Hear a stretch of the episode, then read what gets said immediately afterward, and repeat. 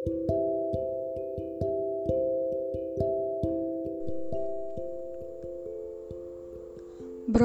Home Ini adalah cerita dari kisah nyata gue Tapi mungkin ada sedikit yang gue ubah karena mungkin itu tidak pantas untuk disebutkan Pernah ngebayangin gak sih gimana rasanya jadi anak broken home?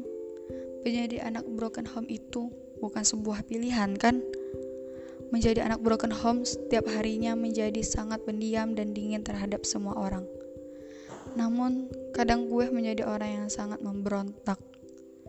Dan gue sudah membayangkan bagaimana kehidupan gue nantinya.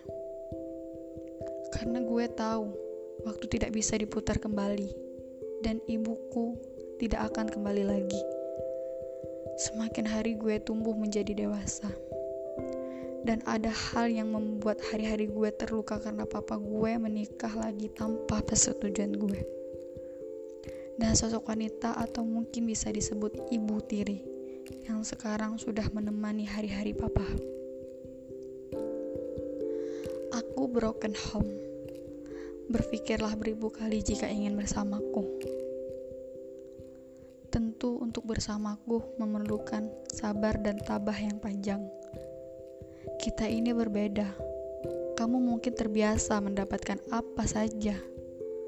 Sedang aku kasih sayang dan perhatian saja sulit untuk didapatkan. Seakan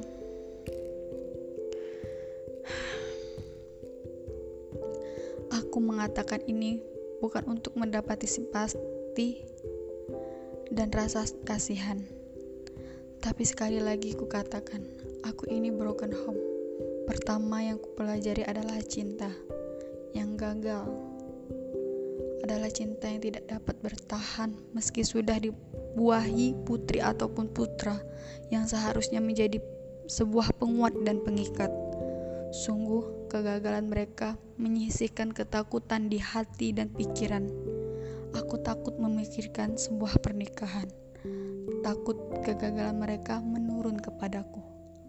Meskipun sebenarnya aku juga menginginkan sebuah cinta yang sukses cinta yang bisa membawaku ke titik bahagia, cinta yang membuatku percaya bahwa yang sejati dan abadi itu ada.